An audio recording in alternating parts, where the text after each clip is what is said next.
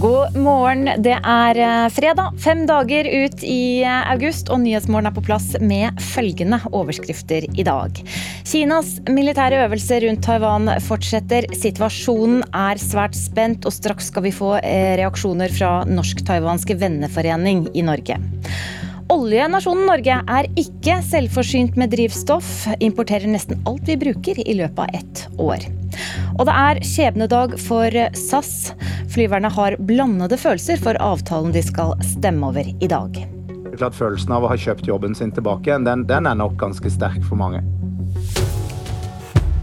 Og så ble det også en god dag i gårsdagens eh, første kamper i den tredje kvalifiseringsrunden til Serieligaen. Både Molde og Viking tar med seg svært gode resultater fra kampene hjemme i Norge, og vi skal innom Europacupen om litt. Dette er altså Nyhetsmorgen, og jeg heter eh, Ida Kjøstelsen. Vi starter i havområdene rundt Taiwan. Der fortsetter altså Kinas store militærøvelse, og situasjonen er fortsatt spent. Det kinesiske militæret sier til landets presse at øvelsen foreløpig er en suksess. 取得了预期效果。上午接到作战任务后 ，Kinesiske raketter fløy i går over Taiwan og landet i havet utenfor øyas østre side. Folkets frigjøringshær er fornøyd med en så langt vellykket militærøvelse, skriver statsavisen Global Times. Kinas militærøvelse rundt Taiwan er den største noensinne, og har til tider krysset over i Taiwans farvann. Målet har vært å simulere en blokade, og den sivile luftfarten og skipsfarten gjennom Taiwanstredet har blitt påvirket. Ifølge Kina er øvelsen et svar på en speaker Nancy Pelosis besøk til Taiwan denne uken.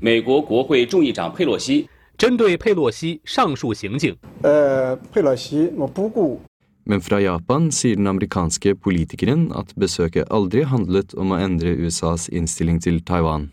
Pelosi mener Kina bruker besøket som en unnskyldning for øvelsen, og slår fast at Kina ikke vil lykkes med å isolere Taiwan.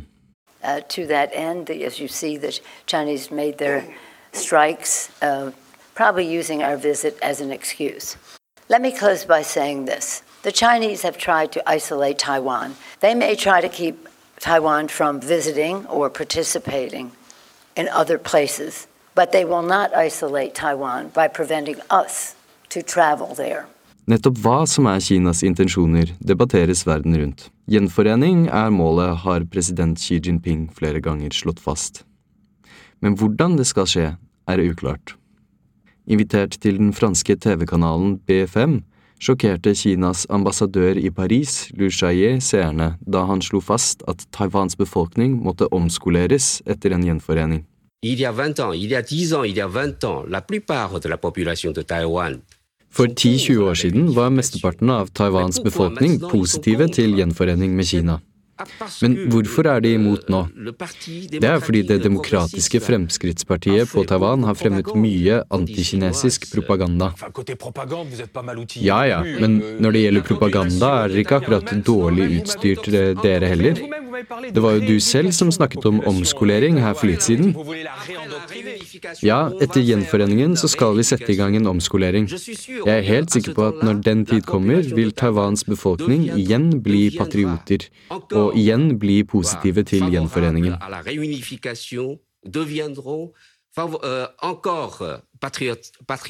Mm.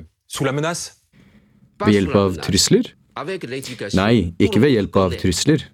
Ved hjelp av utdanning. Det er mye som må skje dersom Shayes planer skal gjennomføres. Men inntil videre fortsetter Kinas militærøvelse rundt Taiwan frem til søndag. Ja, reporter her var Filippe Daas eh, Ulvin. Den kinesiske ambassadøren til Frankrike snakker altså om en omskolering av det taiwanske folket etter en gjenforening av Taiwan og Kina. Og Thomas Egger Sørensen, du er nestleder i Norsk-taiwansk venneforening. og Hvordan tolker du den eh, uttalelsen? Um, altså, vi ser jo gjerne på, på på uttalelsen til den kinesiske ambassadøren til, til Frankrike um, som um, fortsatt veldig hypotetisk. Han snakker om hva som skal skje når uh, øya og fastlandet blir gjenforent. Det er det jo ingen garantier for at det kommer til å skje. Men i lys av det vi har lært om hva som skjer i Xinjiang-provinsen med uigurene, eh, og den typen omskoleringsleirer som befolkningen der blir utsatt for, så er det jo klart at eh, når ambassadøren bruker den samme retorikken overfor det som de facto har vært et annet land siden 1949, Eh, som, som, ganske skummelt, rett og mm. slett. Og tydelig? Mm. Og veldig tydelig. Ja. Eh, du har selv bodd i Kina, i Shanghai, i eh, fire år og har taiwansk ektefelle. Og hvor stor er egentlig forskjellen på det taiwanske samfunnet og det kinesiske fastlandet, vil du si? Um, ja, altså, de hadde jo et ganske likt utgangspunkt i 49. Um, Chiang Kai-shek tok jo over øya uh, da de tapte borgerkrigen på fastlandet. Um, men derfra har utviklingen gått ganske ulikt. Så Siden 88 så har det vært en demokratiseringsprosess på Taiwan, og de har hatt frie valg siden 96. Eh, I dag er eh, Taiwan eh, verdens åttende frieste eller mest demokratiske land. Blant, ehm, blant det mest demokratiske i, i Asia. Eh, det er eh, forsamlingsfrihet, eh, ytringsfrihet, religionsfrihet. Det er likekjønnet ekteskap som det eneste landet i, i Asia. Så som, som, samfunn så ligner Taiwan langt mye mer på, på vårt eget her hjemme enn, enn på fastland-Kina. Og så er det jo selvfølgelig kulturelle bindinger, men som ambassadøren også er inne på til sist i sitt, sitt innlegg på fransk TV, så jo lenger tiden går, han snakker om det sausage, Eh, så skaves på en måte mer og mer av. det er jo det som er bekymringen til Fastlandskina. At eh, unge taiwanere i dag eh, har en i større grad taiwansk identitet enn en kinesisk identitet. Mm. Og Du har jo kontakter, som vi nevnte. Hvordan oppleves den kinesiske reaksjonen på Pelosis besøk på Taiwan? Folk vi snakker med er jo som vanlig ganske stoiske. Det er også viktig å huske på at dette er jo trusler som eh, befolkningen på Taiwan har levd med i, i nærmere 70 år. Um, det er jo ikke første gang det verken er en spiker eller besøk til, til Taiwan som, som, hisser opp eh, Beijing på den måten som vi ser nå. Um, det som kanskje er nytt nå, er jo størrelsen på sablene eller antallet sabler som, som Kina rasler med. Men, ehm, men, ehm, befolkningen generelt da, i hvert fall jeg inntrykk av eh, er relativt rolig. Og, det er jo også noe som president Tsai Ing-wen oppfordrer befolkningen til å, til å, være. Men det er jo ikke sånn at alle på Taiwan vil løsrive øya helt fra Kina. Hva, hva ønsker folk flest på Taiwan? Mitt inntrykk og, og, vårt inntrykk er jo at eh, folk flest er opptatt av en uh, videreføring av status quo. Altså den de facto selvstendigheten som Taiwan har. Det siste jeg sjekket, så, så er det ikke en utpreget Eh, stor støtte til en selvstendighetserklæring. Eh, selv om eh, det partiet som ambassadøren til Frankrike nevnte, da, DPP, har vel det som en del av sitt partiprogram. Men min oppfattelse er at det er ikke en spesielt stor støtte for en sånn offisiell selvstendighetserklæring. Hvor reell oppleves trusselen nå fra Kina blant befolkningen på Taiwan? Like reell som den har vært de siste 70 årene. Så ikke noe større grad av eh, bekymring? Det er jo ganske mange faktorer som ligger rundt som gjør at um, en, en faktisk invasjon, en maktovertagelse av, av, av, øya, er eh, ganske usannsynlig. Det er, det er mye som skjer på fastlandskina som taler, taler imot. Så min, min, mening er at det er ikke noe mer overhengende fare for det nå, nei. Takk skal du ha, Thomas Egger Sørensen, som også er nestleder i Norsk-taiwansk venneforening.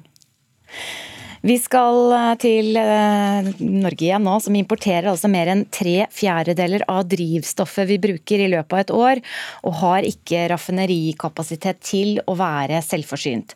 Samtidig har energibyrået IEA i sommer advart uh, om at det kan bli mangel på drivstoff i Europa. Men næringsminister Jan Christian Vestre avviser at den verste energikrisen på 50 år vil føre til at norske drivstoffstasjoner går tomme. Sånn som situasjonen er nå, er det ingenting som tyder på at det kommer til å bli for lite bensin og diesel i Norge. Det vi først og fremst er bekymret for, er at eh, prisene øker for mye. Norge importerer det aller meste av drivstoffet vi forbruker. Vårt eneste raffineri på Mongstad nord for Bergen har ikke kapasitet til å lage alt vi trenger i løpet av ett år, opplyser Equinor til NRK. Oljenasjonen Norge eksporterer nesten all vår råolje og mesteparten av drivstoffet som raffineres her hjemme. Samtidig har energibyrået IEA advart om at energikrisa kan føre til at det blir for lite drivstoff i markedet. Det er eh, god beredskap i Norge. Vi har både beredskapslagre i tillegg til eh, bensinstasjonenes egne kommersielle lagre. Det er alternative forsyningslinjer, og vi samarbeider også godt og tett i Europa. For i energimarkedene henger alt sammen med alt. Når det blir mangel på naturgass og skyhøye priser, øker etterspørselen og dermed prisene på annen energi, særlig på diesel. Eh, drivstoff er en eh, samfunnskritisk eh, infrastruktur som vi er nødt til å opprettholde. Skal vi holde samfunnet noenlunde i gang på næringslivet, på matproduksjonen. Sier energipolitisk talsperson Terje Halleland i Frp.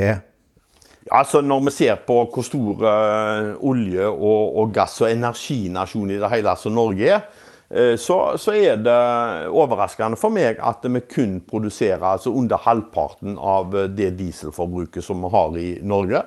Eh, det gjør oss samtidig veldig sårbare, mer sårbare enn hva jeg hadde trodd. Halleland mener at drivstoff nå har blitt så dyrt at regjeringa må ta grep dersom det i tida fremover blir mangelvare og prisene øker videre. Nei, vi kan ikke leve med det. Eh, og, og, den forutsigbarheten er både næringslivet og privatpersoner i Norge helt uh, nødt til å ha. Og det er regjeringen si fordømte plikt til å klare å opprettholde den forutsigbarheten. Statsråden avviser ikke at regjeringa kan subsidiere drivstoff dersom prisene skulle løpe enda mer løpsk, men det er langt fra uproblematisk, sier Vestre. Ja, det kan bli aktuelt. Eh, utfordringen er at det er eh, vanskelig å møte inflasjon på en god måte som ikke skaper nye problemer. Nå er vi i en situasjon i norsk økonomi der det er en reell fare for overoppheting. Vi ser nå at sentralbanken har satt opp renta to ganger og varsler ytterligere renteøkninger. Ja, Det var næringsminister Jan Christian Vestre, og reporter var Johan B. Settem. Klokka er 7.15 eh, kvart over sju, og du følger Nyhetsmorgen på NRK. Hellas har vært herjet av skogbranner den siste tida, og det første teamet med skogbrannpersonell fra Norge er på plass i eh, landet. Vi skal straks snakke med en av dem. Oljenasjonen Norge er ikke selvforsynt med drivstoff, importerer nesten alt vi bruker i løpet av ett år. Og det er frist i kveld for flyverne i SAS for å godta eller avvise den nye avtalen. Hellas har vært herjet av skogbranner den siste tiden, og det første teamet med skogbrannpersonell fra Norge er nå på plass i landet. For første gang deltar norske brannmannskap i et EU-samarbeid for å slokke skogbranner utenfor Norge, og de har måttet forberede seg på ekstreme forhold. Dette er krevende, selv for brannsjefen i Skien, Ove Stokkeland. Hvordan har møtet med varmen og temperaturer på over 30 grader vært? Temperaturer på over 30 grader, det er vi jo ikke vant med. Så eh, det er eh, heldigvis litt kaldt om eh, morgenen, normale temperaturer. Og så øker temperaturen, og så er det å finne skygge og drikke vann og prøve å, å holde seg klar til utrykninger som kommer. Ja, hvordan jobber man i såpass høy temperatur, Stokkeland? Nei, vi er stasjonert på en base sammen med totalt 67 mannskapsteam som jobber da sammen med greske brannbiler hvis det oppstår branner. Eh, vi øver og trener forsiktig for å ikke slite oss ut. Og så eh, har vi også en del teoretiske gjennomgang for å bli kjent med deres eh, topografi, vekster, fauna og også de meteorologiske forholdene som påvirker branner. Mm. Og Flere av dere er eh, fra Telemark, som også har hatt eh, mange branner i sommer. og Hvilke erfaringer hjemmefra kan dere ta med dere i slukningsarbeidet i Hellas? Nei, Vi har eh, litt sånn likt terreng. Det er mye fjell og åser og vanskelig terreng i Norge også, så vi er vant med å bruke lett utstyr. Det var en større brann i Nissedal for noen uker siden hvor flere av våre mannskaper var i innsats og fikk nyttig erfaring. Og vi trener også på en del av de samme teknikkene og, og, ganske likt utstyr som de faktisk bruker i Hellas. Så det har vært nyttig erfaring å ta med seg hit. Dere, har, dere, skal være der i 14 dager før dere blir avløst av eh, et nytt team fra Norge. og Formålet er både øving og slukking. Hva tenker du er den største forskjellen på å slukke branner i Hellas og her hjemme? Den største forskjellen er at det rett og slett er all, all biomasse er forvarma til over 30 grader. og Det gjør at brannene utvikler seg mye raskere, får en høyere intensitet og beveger seg raskere. Og både for oss det å skjønne hvor fort det her går og ta de riktige sikkerhetsforanstaltninger og på en måte det tror jeg er det viktigste å lære. Det er, det er, hvor kraftig energien blir når dagtemperaturene er så høye. Mm. Og dette her er jo noe vi har sett eh, over eh, andre deler av verden også eh, i det siste. Hvor viktig er det å øve seg på dette arbeidet? Nei, Det er kjempeviktig. Nå øver vi sammen med andre nasjoner. Vi er stasjonert også sammen en finsk ressurs som er her, en fransk ressurs i Aten.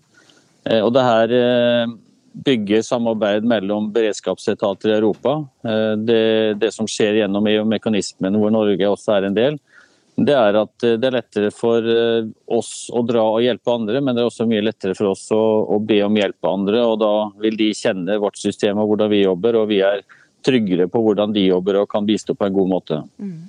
Og Dere er klare nå med eget utstyr, også egen brannbil eller brannbuss. Når skal dere ut, vet du det? Eh, nei, det er sånn med branner at man vet aldri når de kommer. Eh, vi er stasjonert stasjonert på en stasjon hvor vi har eh, seks eller syv team. Og hver morgen basert på risikoen, som da er en gradering fra én til fem, så blir vi sendt rundt omkring på Peloponneshalvøya ut der det er antatt å være høyest risiko. De to siste dagene har vi vært utstasjonert i Korint, og brannsjefen sier vi bringer lykke, for det har ikke vært noen branner når vi har vært der. så Sånn sett så har vi kanskje gjort en eh, god gjerning allerede. Ja, Det høres bra ut. Eh, takk skal du ha, brannsjef i Skien Ove Stokkeland. Og lykke til med den viktige jobben som venter. Den eh, amerikanske konspirasjonsteoretikeren Alex Jones er dømt for ærekrenkelse og må betale fire millioner dollar til foreldrene til en av eh, guttene som ble drept i skoleskytingen i byen Sandy Hook i 2012. Jones har tidligere påstått at skolemassakren var iscenesatt av myndighetene for å kunne eh, ta fra amerikanerne våpen. It's, it's, it's 100% real, as I said radio yesterday. And as I said here yesterday, uh, it's 100% real. And the media still ran with lies that I was saying it wasn't real on air yesterday. It's incredible. They won't let me take it back. They just want to keep me in the position of being the Sandy Hook man. My son got confronted yesterday. Projection speculation as to what the media wants. Mr. Jones is just being on the show. Reporter eh, Torvald Askim, her hørte vi altså et utdrag fra rettssaken i Texas. Og for de som ikke kjenner ham, hvem er Alex eh, Jones? Eh, han er mannen bak nettsiden og radiokanalen Infowars. og den, de, Der sprer de meninger og konspirasjonsteorier og nyheter ofte helt uten faktagrunnlag. Den har vært veldig populær blant folk på den radikale høyresiden i USA. og Alex Jones han har klart da over, ja, over 20 år å bygge opp en ganske stor fanskare. Begynt litt mer inn i varmen og sakte, men sikkert blitt fjernet fra alle sånne offisielle plattformer. Og Um, ja, Han har da mange ganger påstått at en skoleskyting som faktisk var USAs uh, nest største i antall drepte, var iscenesatt med skuespillere, og at myndighetene sto bak som et påskudd for å kunne ta fra folk våpen. Og det som har skjedd, er jo da at Tilleggerne til Jones har oppsøkt eh, foreldrene til barn som ble drept, og trakassert dem, og også i tilfeller overfalt dem. Og nå har altså da ett av foreldreparene fått uh, han dømt for ærekrenkelser. Ja, hvorfor er denne dommen spesielt viktig? Eh, spesielt fordi Alex Jones er et sånn internettfenomen som tøyer ytringsfriheten ekstremt, ekstremt langt. Og det er mye konspirasjonsteor i USA, og han er en av de som de store som liksom fronter de, og denne dommen viser det at eh, man kan bli dømt. Eh, det kan få konsekvenser, fordi de har en, et, en annen måte å se på ytringsfrihet enn som er vanlig i det norske ytringsrommet. Og hvor, Hvordan har rettssaken eh, vært? Den har vært full av helt bisarre hendelser. Og Jones, som du kanskje hører litt i det klippet, han snakker om seg selv som et offer. Nei, nå vil de ikke, og nå vil ikke. Og samtidig så har han da denne nettsiden Infowars har jo også radiosendinger. Så har han hatt radiosending på kvelden når det har vært rettssak på dagen, og, og prater ut og, og, og han er veldig ivrig på å prate, han er veldig påståelig, så det har vært helt uh, høyre og venstre og overalt uh, hele tiden, og mye spesielt. Og det blir spennende nå å se hva som blir følgende. Altså, han har utrolig mange fans. Vil dette knuse han og dytte han helt ut, eller vil det bare forsvinne lenger inn i et enda mer ekstremt miljø? Mm. Takk skal du ha, reporter eh, Torvald Askim. I kveld ved midnatt går fristen for flyverne i SAS ut, der de skal stemme over forhandlingsresultatet med SAS. Fire foreninger organiserer flyverne i morselskapet i SAS, og det skal stemmes i alle tre land. Forbundsleder i Norsk Flyveforbund, Alexander Vasland, sier medlemmene nok kommer til å stemme med en liten bismak. Vi fikk en løsning på de viktige prinsipielle sakene, men det kom jo til en, en høy pris. Og, det er klart det gjør at stemninga ute har vært eh, ambivalent. Men samtidig tror jeg alle sammen også har vært veldig glad for at man, man kom over denne kneika, og, og, og man fortsatt hadde en jobb å gå til. Vassland vil ikke forskuttere resultatet av avstemningen, men han mener at alle flygerne har fått god nok informasjon og svar på spørsmål til å kunne ta et selvstendig valg. 900 flygere skal stemme over en avtale som strekker seg over fem år fremover. Det er en uvanlig lang periode i et lønnsoppgjør. Samtidig skal flygerne stemme over om de vil gå ned i lønn og samtidig jobbe mer. Det viktige for flygerne er at de yngre flygerne nå får rett til å bli gjenansatt i SAS etter pandemien, og at avtalen også skal gjelde for ansettelser i datterselskapene. SAS har en veldig høy pensjonsalder. Man har jo et snitt på nesten 60 år, 58 år. nå. og det er jo en utfordring for SAS også for fremtida. Og sånn sett så er det jo veldig viktig for oss at disse 560 flygerne da, som er unge mennesker som er klar for å bygge SAS videre, får, får, en plass og en naturlig del i å bygge dette selskapet videre. Så sånn sett så er det en dimensjon i det også. Å forhandle i SAS er slett ikke enkelt, forklarer Vassland. Vassland? Ja, Det er jo en, en, kompleks situasjon å forhandle i SAS. SAS er tre land. Eh, det er mange foreninger, det er mange lands interesser, det er ulike kulturer. Det er også litt ulike prosedyrer for hvordan disse avstemningene skjer. I Danmark og, og Norge så er det eh, på en måte en direkte konsekvens av medlemmenes stemmegivning, mens i Sverige så har man en litt annen konstruksjon hvor det er en rådgivende avstemning, og så skal, må styret eventuelt da fatte et vedtak eh, basert på det. Så, så det er litt forskjellig fra, fra land til land, men vi regner med at det blir en, eh, et resultat som er klart i alle de tre landene veldig tidlig på, på lørdagsmorgen. Det er til sammen medlemmer i fire flygerforeninger i SAS som skal avgi sin stemme. To i Norge, én i Sverige og én forening i Danmark. Om det ikke blir ja fra samtlige, kan det bli streik på nytt, enten i ett enkelt land eller i alle land Alt avhengig av stemmeresultatet. Ja, Da vil en streik kunne komme etter ca. fem eh, dager. da. Hvis f.eks. det skjer i Norge, så, så, er det en fem dagers forsinkelse. og Så vil eh, eventuelt da en, en ny streik være, være et faktum. Um, og så vil det kunne være litt nyanser på det fra, fra Sverige og, og, Danmark. Litt avhengig av man har litt andre regler der. Men, men, det vil være en forsinkelse, så det er jo ikke slik at hvis det skulle bli et negativt resultat, så går det ingen fly uh, i morgen. Så uh, slik er det ikke. Reporter her var Tor Albert Frøsland. Japans statsminister Fumio Kishida fordømmer Kinas oppskyting av en rekke ballistiske missiler i farvannet rundt Taiwan. Fem av rakettene som ble skutt opp under den pågående militærøvelsen, skal ha landet i japansk økonomisk sone.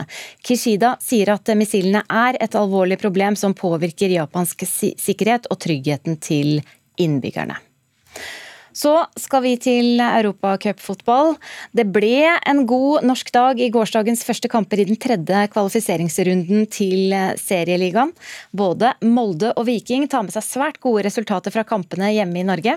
Litt tøffere blir det derimot for Lillestrøm, som gikk på et 1-3-tap hjemme på Åråsen mot Royal Antwerp. Og Lillestrøm-trener Geir Bakke var naturlig nok skuffet etter kampen. Nei, det er jo skuffende at vi taper, selvsagt. Så merker vi også at vi møter et bra lag. Vi blir straffa knallhardt og vi gjør eh, eh, litt enkle feil. Eh, er det på det her nivået. Så er det perioder i kampen jeg føler at vi er med. Man ser så tydelig at vi trenger flere muligheter for å omsette enn det de trenger. Lillestrøm de fikk skikkelig testet seg mot et belgisk topplag i Royal Antwerp i går kveld. Nå må de reise til Belgia og vinne med minst to mål i returoppgjøret. Lillestrøm-forsvarer Vetle Dragsnes forteller at de kommer til å gi alt i neste ukes oppgjør.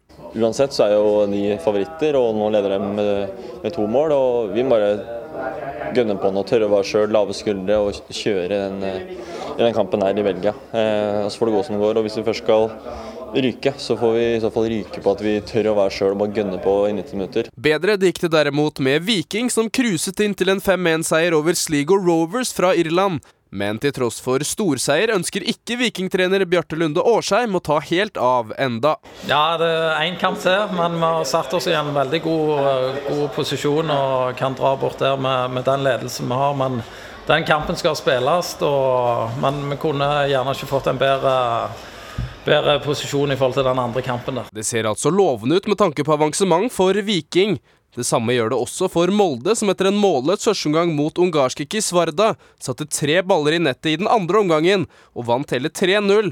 Men Molde-kaptein Martin Linnes er tydelig på at de reiser til Ungarn for å vinne kampen, ikke spille defensivt. Vi må prøve å spille på det vi er gode, på. Vi er ikke gode på å legge oss nede og, og forsvare oss bare, så vi må være så gå offensivt til verks, eh, prøve å få kampen i vårt spor og, og angripe og prøve å presse de bakover banen, så slipper de å få angripe hele veien. Ja, reporter var Joakim Remvik. Returoppgjørene de spilles allerede torsdag neste uke for de norske lagene. Skal også ta med at eh, tre skip med korn skal forlate Ukraina i dag. Det bekrefter forsvarsministeren i Tyrkia. Onsdag kunne det første skipet lastet med ukrainsk korn seile videre fra Tyrkia til Tripoli i Libanon. Samtidig har 17 reiseklare skip med korn stått i ukrainske havner de to siste døgnene.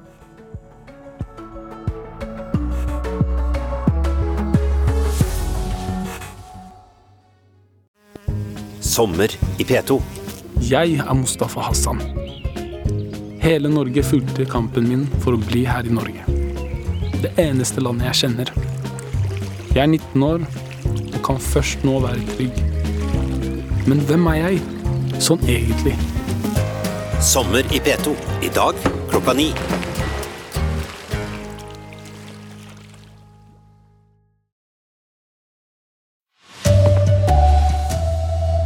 Oljenasjonen Norge importerer nesten alt drivstoffet vi bruker i løpet av et år. En familie i Kristiansand som la ut bilde av seg med bunad og flagg, opplevde grov rasisme. Og det er ambivalens blant SAS-flygerne. I dag skal de godta eller avvise den nye avtalen. God morgen, dette er NRK Dagsnytt. Klokka er 7.30. Oljenasjonen Norge er ikke selvforsynt med drivstoff. Vi importerer nesten alt vi bruker i løpet av et år. Samtidig har energibyrået IEA i sommer advart om at det kan bli mangel på drivstoff i Europa. Men næringsminister Jan Christian Vestre avviser at energikrisa vi er oppe i, kan føre til at norske drivstoffstasjoner går tomme. Ingen grunn til å frykte at det ikke kommer til å være nok bensin og diesel på pumpene i Norge i månedene framover. Norge importerer det aller meste av drivstoffet vi forbruker. Vårt eneste raffineri på Mongstad nord for Bergen har ikke kapasitet til å lage alt vi trenger i løpet av ett år, opplyser Equinor til NRK. Oljenasjonen Norge eksporterer nesten all vår råolje og mesteparten av drivstoffet som raffineres her hjemme. Samtidig har energibyrået IEA advart om at energikrisa kan føre til at det blir for lite drivstoff i markedet. Det er eh, god beredskap i Norge. Vi har både beredskapslagre i tillegg til eh, bensinstasjonenes egne kommersielle lagre. For i energimarkedene henger alt sammen med alt. Når det blir mangel på naturgass og skyhøye priser, øker etterspørselen og dermed prisene på annen energi, særlig på diesel. Eh, drivstoff er en samfunnskritisk infrastruktur som vi er nødt til å opprettholde. Sier energipolitisk talsperson Terje Halleland i Frp. Halleland mener at drivstoff nå har blitt så dyrt at regjeringa må ta grep dersom det i tida fremover blir mangelvare og prisene øker videre. Nei, vi kan ikke leve med det. Statsråden avviser ikke at regjeringa kan subsidiere drivstoff dersom prisene skulle løpe enda mer løpsk, men det er langt fra uproblematisk, sier Vestre. Ja, det kan bli aktuelt. Eh, utfordringen er at det er eh, vanskelig å møte inflasjon på en god måte som ikke skaper nye problemer. Reporter var eh, Johan B. Settem. En familie i Kristiansand som la ut bilde av seg på Instagram, opplevde grov rasisme.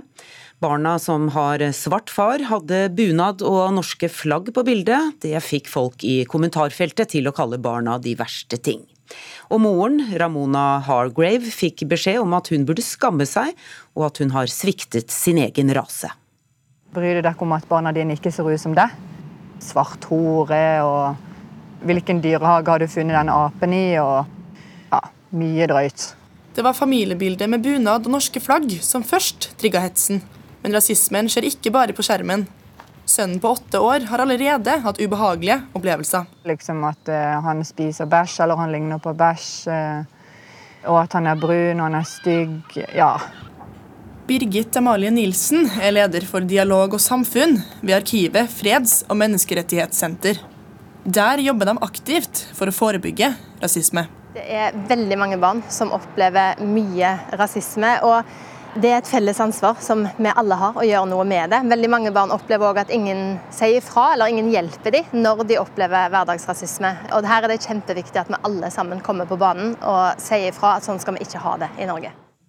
Reporter var Kristine Sandnes.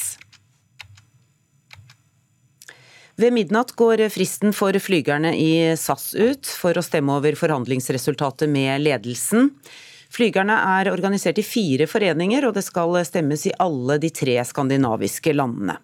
Forbundsleder i Norsk Flygerforbund, Alexander Vassland, sier stemningen blant medlemmene er ambivalent.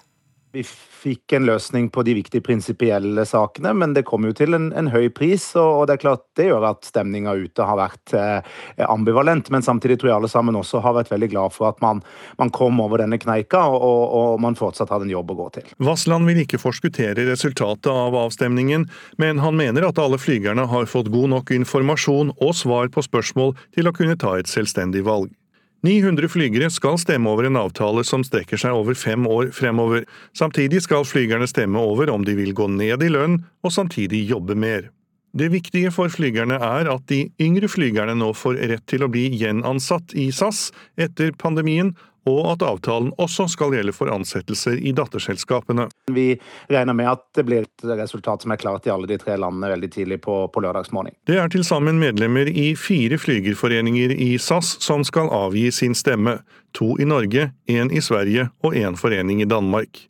Om det ikke blir ja fra samtlige, kan det bli streik på nytt, enten i ett enkelt land eller i alle land Alt avhengig av stemmeresultatet. Da vil en streik kunne komme etter ca. fem eh, dager. da. Hvis f.eks. det skjer i Norge, så, så, er det en femdagers forsinkelse. Og så vil eh, eventuelt da en, en, ny streik være et faktum. Så det er jo ikke slik at hvis det skulle bli et negativt resultat, så går det ingen fly i eh, morgen. Så slik er det ikke. Reporter var Tor Albert Frøsland. Japans statsminister Fumio Kishida fordømmer Kinas oppskyting av en rekke missiler i farvannet rundt Taiwan. Fem av rakettene som er blitt skutt opp under den pågående militærøvelsen, skal ha landet utenfor kysten av Japan. Kishida sier at missilene er et alvorlig problem som påvirker Japans sikkerhet og tryggheten for innbyggerne. I USA er konspirasjonsteoretikeren Alex Jones dømt til å betale oppreisning til foreldrene til en gutt som ble drept i skolemassakren i Sandy Hook i 2012. Det er foreldrene til gutten som har saksøkt eh, Jones for falske påstander. Og reporter Torvald Skåre Askim, hva er det Jones har eh, sagt som han nå er dømt for? Eh, han har gjennom sin store og populære radiokanal og nettside Infowars sagt gjentatte ganger at en av USAs aller verste skolemassakre var iscenesatt med skuespillere av myndighetene, sånn at de skulle ha et påskudd til å ta fra amerikanere våpnene sine. Og denne teorien fikk så stor medfart blant Jones sin store følgerskare at flere av de endte opp med å oppsøke foreldrene til de barna som døde, og trakassere de, true de. Eh, og det er altså det som har gjort at to av foreldrene nå har fått han dømt for ærekrenkelser. Og vi kan høre et klipp fra rettssaken hvor han da eh, innrømmer nå at han mener at skytingen er. It's, it's, it's 100% real, as I said on the radio yesterday. And as I said here yesterday, uh, it's 100% real. And the media still ran with lies that I was saying it wasn't real on air yesterday. Hvorfor er eh, denne dommen så viktig?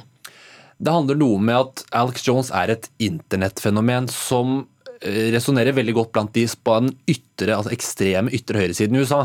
Og han tøyer ytringsfriheten til det absolutt ekstreme. og har tidligere sluppet måte, unna med det, men nå viser at rettsvesenet kan ta grep. Du kan bli dømt. Og setter en litt tydeligere strek. Du kan høre på, noe, på måten han svarer på. It's a 100% real. Altså, Er det gående å være 90% real, på en måte? Takk skal du ha. Glede, tårer og tenåringshormoner var sterkt til stede da Justin Bieber gjestet Oslo for første gang for ti år siden. Nå er han tilbake i Norge, denne gangen i Trondheim.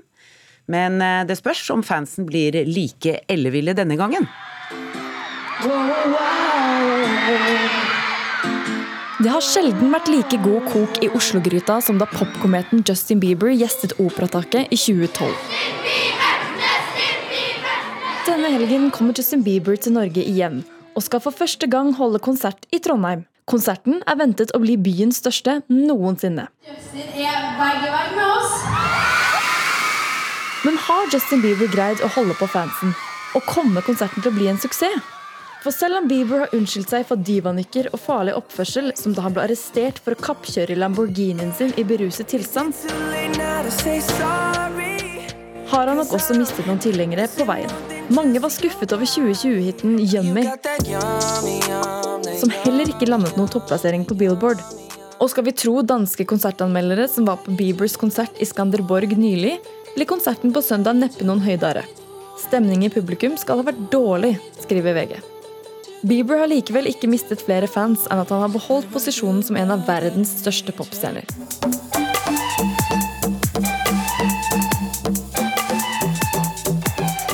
Konserten i Trondheim er nesten utsolgt, og 40 000 er ventet å delta.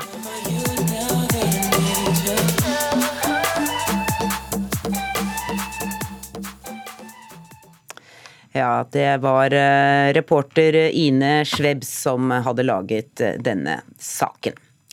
Ansvarlig for eh, Dagsnytt denne morgenen er Elin Pettersen. Her i studio Kari Ørstavik. Flere nyheter får du ved å følge Nyhetsmorgen på P2 og NRK1.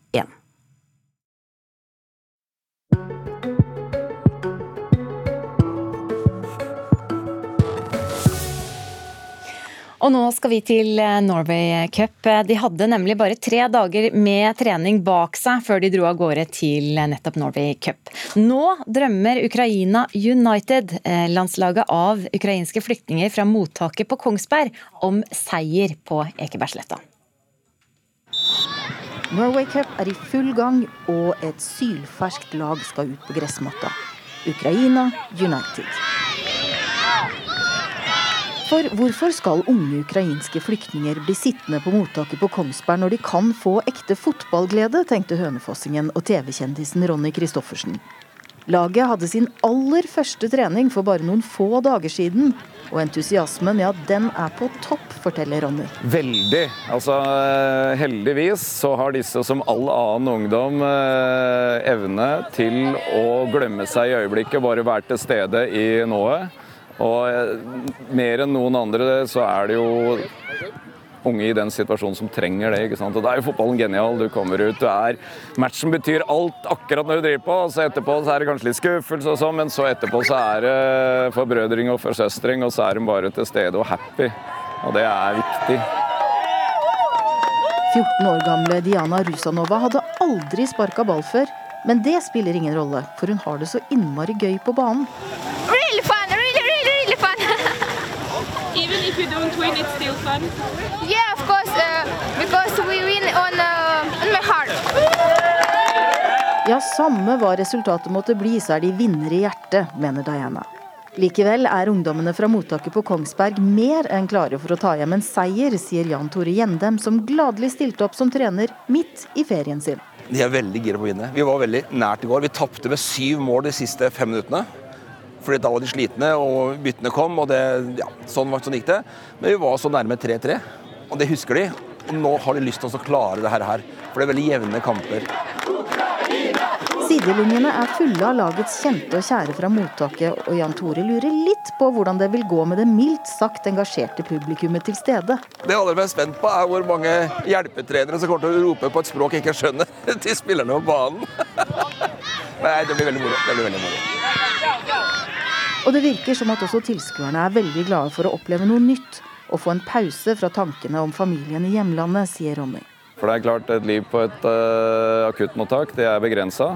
Det er mye bra der, men det er så klart uh, begrensa. Så det å komme ut her, få den opplevelsen, det, er, det digger jo vi. Altså, da jeg sto i dag og skyssa folk inn på tre busser og bare tømte et asylmottak og fikk det ned her, det syns jeg det er veldig gøy. Da, da får dette prosjektet noen ringvirkninger som ja, viser fotballens merverdi, syns jeg da. Ja, og Kampen som var mot Nore Nese IL gikk ikke helt som Ukraina United hadde drømt om. Resultatet ble 10-1 til laget fra Hordaland, men det kommer nye muligheter. Reportere her var Elisabeth Tøtte Hansen og Kaja Gustavsen Tvetete.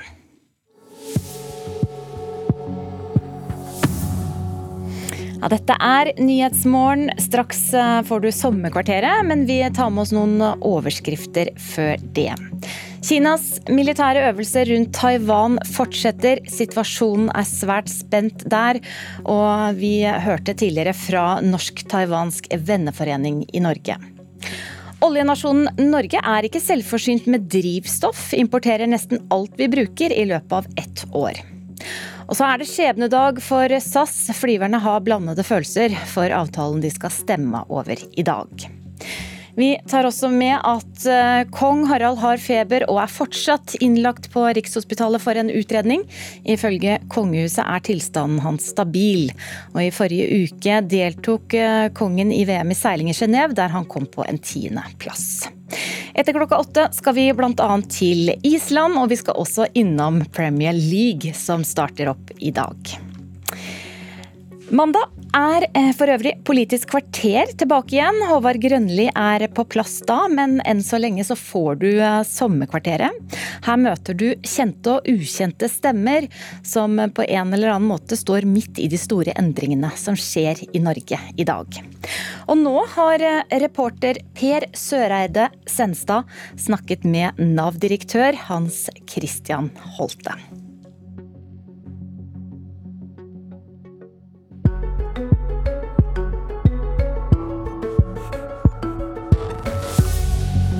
Navn Hans Christian Holte. Alder 57. Stilling Nav-direktør. Hvor er vi nå, Hans Christian Holte?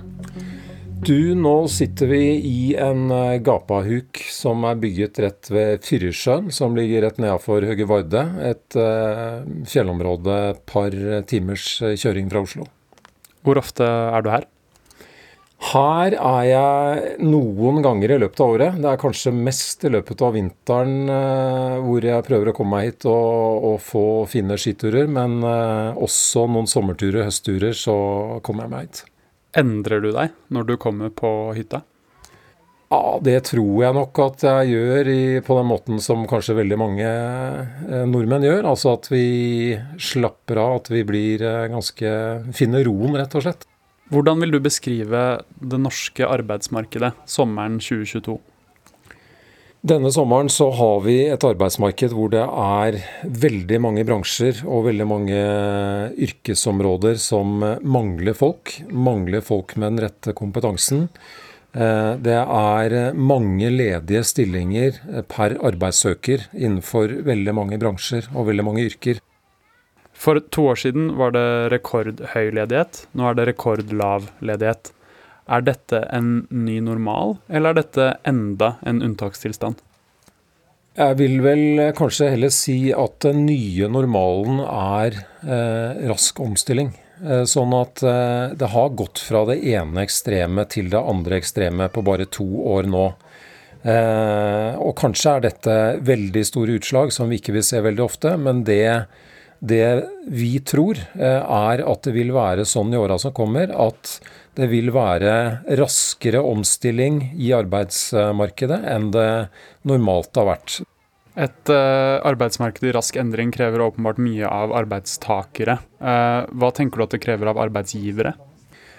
Jeg tror noe av det det krever av arbeidsgiverne, som vi absolutt må prøve å få til bedre i dag, det er at arbeidsgivere virkelig ser mulighetene eh, blant de som fortsatt står utenfor arbeidslivet.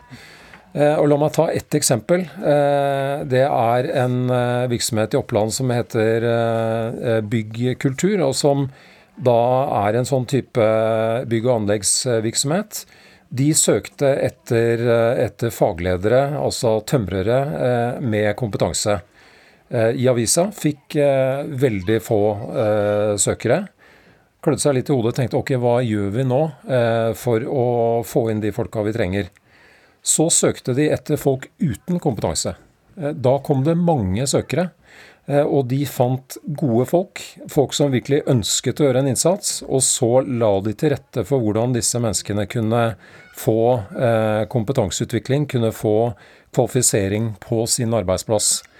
Så det er et eksempel på å bruke mulighetene nå til å kanskje se etter det som ikke tilsynelatende er en sånn perfekt match med den kompetansen man trenger i utgangspunktet. Regjeringen går jo nå inn for å begrense anledningen til å bruke midlertidige ansettelser. Vil ikke det gjøre det vanskeligere eh, å gi folk en sjanse, eh, som du oppfordret til nå nettopp? Du drar meg litt sånn i retning av et politisk spor som jeg nok ikke ønsker å, å, å gå veldig langt uh, inn i. Men, men, eh, det jeg kanskje heller vil si, da, er at uh, det som vi ser er viktig, det er fleksibilitet. Altså det er et arbeidsliv som er fleksibelt på den måten at det kan eh, ta imot og gjøre god nytte av mennesker i litt ulike situasjoner med litt ulike forutsetninger. Og med det så tenker jeg på at noen vil kanskje ha behov for å jobbe deltid. Noen har kanskje en form for eh, helsemessige utfordringer som gjør at ikke de vet helt når de må ta seg en pause fra arbeidslivet. Andre trenger kanskje litt mer tid, altså de jobber rett og slett litt saktere. Det høres ikke ut som du synes at faste heltidsstillinger er den eneste gode måten å jobbe på? Det at noen eh, ønsker å jobbe deltid, og bør få muligheten til det, det, det står jo ikke i veien for at i andre bransjer så kan det kanskje være for mye bruk av deltid. Dette må vi også se litt sånn helhetlig på og tenke at vi trenger den derre mangfoldet også i hva arbeidslivet, arbeidsgiverne, kan tilby folk som ønsker eh, å arbeide. Du er jo en relativt eh, ny eh, Nav-sjef. Hva tror du at organisasjonen har lært av den såkalte Nav-skandalen? Jeg tror Nav har lært mye, og jeg tror mange andre også har lært mye. Denne store EØS-saken den eh, avdekket jo eh, feil i, i, tolkning og forståelse av regelverket hos Nav og hos eh, mange andre helt sentrale eh, samfunnsinstitusjoner. Det Nav eh, tar med seg herfra, det er jo for det første viktigheten å ha den rette kompetansen på plass når det gjelder å tolke regelverket vårt i stort, og når det gjelder å forstå EØS-regelverket. Så det er jo helt grunnleggende i denne saken. Eh, det er også sånn at eh, eh, saken viser viktigheten rett og slett av å kunne ha en åpen og god faglig diskusjon. Det var ikke kanskje godt nok på plass i Nav. Hva sier Nav-skandalen om forholdet mellom Nav og brukerne til Nav? Ja, jeg liker å kalle dette EØS-saken eller, eh, eller eh, feil knytta til trygdeforordningen osv. Fordi jeg syns eh, saken er I sin natur så er det veldig åpenbart at dette dreier seg om Nav, helt klart. Men det dreier seg også om mange andre som har hatt denne blindsonen som granskingsutvalget peker på. Jeg mener at en åpenbar svakhet hos Nav, som også denne saken viser, det er at vi ikke har vært gode nok eh, til å forklare enkelt og tydelig eh, situasjonen ut eh, til brukerne våre. At vi ikke har hatt god nok informasjon ut. Sånn at en veldig viktig del av det dreier seg også om hvor, hvor tett på de menneskene som kommer til Nav vi er, og hvor gode vi er til å gi god veiledning, rett og slett. Hva tenker du først og fremst er rollen til en Nav-veileder? Er det å veilede eh, den som mottar sosialhjelp, eller er det å passe på at vedkommende ikke får midler eh, hen ikke har krav på? Jeg mener at det aller viktigste for en eh, Nav-veileder, og sånn som jeg opplever at også Nav-veiledere i stort jobber, det er å se det mennesket du har foran deg, og så spørre seg ja, hvordan kan jeg hjelpe dette mennesket. Det er det helt essensielle. Da dreier det seg både om å kartlegge er det, er det hjelpebehovet knytta til eh, stønader og, eh, og ytelser, altså eh, pengestøtte som vedkommende skal få. Og det er også viktig å da se er mulighetene for å komme inn i aktivitet, komme i arbeid hvis vedkommende ikke er det, hvor godt er den muligheten til stede. Så jeg tenker det er utgangspunktet. Så forhindrer jo ikke det at vi skal gjøre ting riktig, at vi skal følge reglene, at vi skal sørge for at det ikke ytes eh, ytelser som ikke skulle vært gitt osv. Men det primære det er jo helt klart å hjelpe mennesker. Tenker du at Nav har tillit eh, i befolkningen i dag? Jeg tror eh, tilliten til Nav varierer i befolkningen. Eh, jeg opplever at eh, en sak som denne store EØS-saken, den har svekket tilliten til Nav i befolkningen generelt. Det er helt åpenbart. I til, i, men i motsetning til det så mener jeg at eh, arbeidet som er gjort under pandemien, hvor det har bl.a. vært levert mye på de nye digitale løsningene og, og regelverksløsningene som skulle komme på plass veldig raskt. Det har vært gitt ut mye penger, det har vært satt i gang tiltak. Eh, vi får veldig mange gode tilbakemeldinger på den innsatsen som er gjort eh, under pandemien. Eh, og jeg ser også ute, jeg har vært ute og reist ganske mye i Nav det siste året, og det har også vist meg veldig mange gode eksempler på hva Nav gjør ute med lokalt arbeidsliv og, og næringsliv osv. Så, jeg tror det bildet av Nav og tilliten til Nav er veldig sammensatt. Du kom jo til eh, Nav eh, og den nye jobben som Nav-sjef fra rollen som skattedirektør i 2020. Ble du sendt til Nav for å rydde opp? Jeg opplever vel heller at jeg eh, fikk muligheten som Nav-direktør fordi jeg hadde en Eh, ålreit erfaring eh, med meg. Eh, hadde ledet en stor organisasjon som hadde vært gjennom veldig store endringer også på de åra jeg var skattedirektør, og hadde også en erfaring fra andre deler av det offentlige, bl.a. også sosial- og helseområdet. Sånn at jeg tror vel det var, var hovedpoenget. Og så er det klart så kommer jeg til en organisasjon som er i en veldig kritisk fase med både denne EØS-saken og eh, pandemihåndteringen. Eh, men samtidig så må jeg jo si, når jeg kommer til Nav eh, august 2020 og ser den driven som den organisasjonen og de folka har, så blir jeg ikke så lite imponert heller. For at det er, det er altså på tross av det folk har stått i de siste par årene, da, så er det mye, eh, mye drive og, og, guts for å rett og slett eh, levere eh, i en veldig kritisk situasjon. Da. Hvordan vil du endre Nav fremover?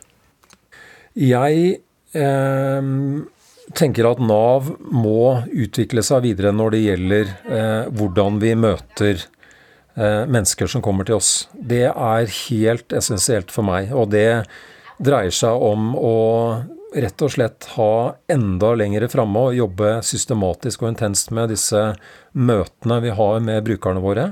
Eh, hjelpe de som står eh, kanskje i de største utfordringene. Eh, sette inn mer kraft der. Hjelpe de som virkelig trenger det mest. De får kanskje noen av de største problemene i dag også i møte med Nav, fordi at de møter pga. litt sammensatte utfordringer, så får de kanskje møte ulike deler av Nav og Nav over tid.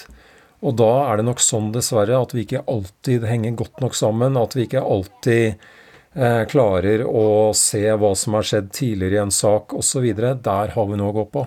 Så det er ett viktig område. Eh, et annet viktig område som vi skal fortsette på, det er digitalisering. Og der er det gjort mye i Nav allerede, men det er mye som gjenstår. Vi har utrolig eh, dyktig IT-miljø som eh, jobber med dette i Nav, men det er også veldig store oppgaver som ligger foran oss. Så det å virkelig jobbe med at eh, du og jeg og vi som trenger ytelser på et eller annet tidspunkt, og ønsker å bruke enkle digitale løsninger, får det. Det er også en, en, veldig viktig utvikling som vi trenger. Så det er den andre store ambisjonen.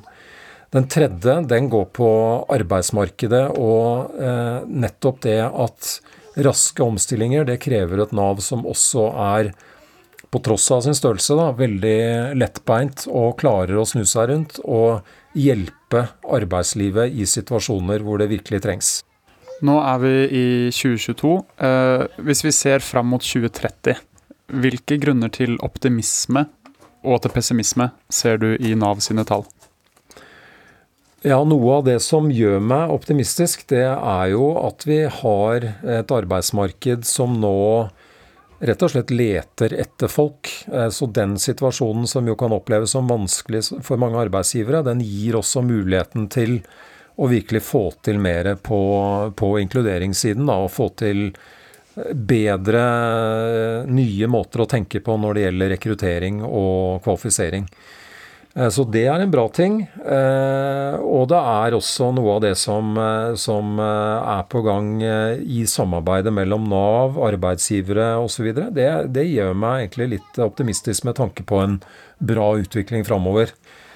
Det som gir grunn til en viss sånn uro, da, tenker jeg, det er jo at vi fortsatt har veldig mange med helserelaterte ytelser som eh, står utenfor arbeidslivet, og vi har en stor andel av det i Norge. Så det å forstå bedre hvorfor det er sånn, og lete etter løsninger som kan få eh, også flere i den gruppa mer i aktivitet og arbeid, det, det, tror jeg er viktig. Men det er nok en sånn litt mørkere sky på, på horisonten, egentlig. Oppe på Høge Vard i dag er det jo ganske kaldt. Uh, har du varmere sommerplaner i ukene som kommer? Det er spådd eh, Her oppe i så er det spådd eh, noen og 20 grader i morgen, faktisk. Så her kommer varmen til Høge Varde, så jeg slipper å reise andre steder akkurat nå. Hans Christian Halte, tusen takk for at du var med i Sommerkvarteret. Bare hyggelig.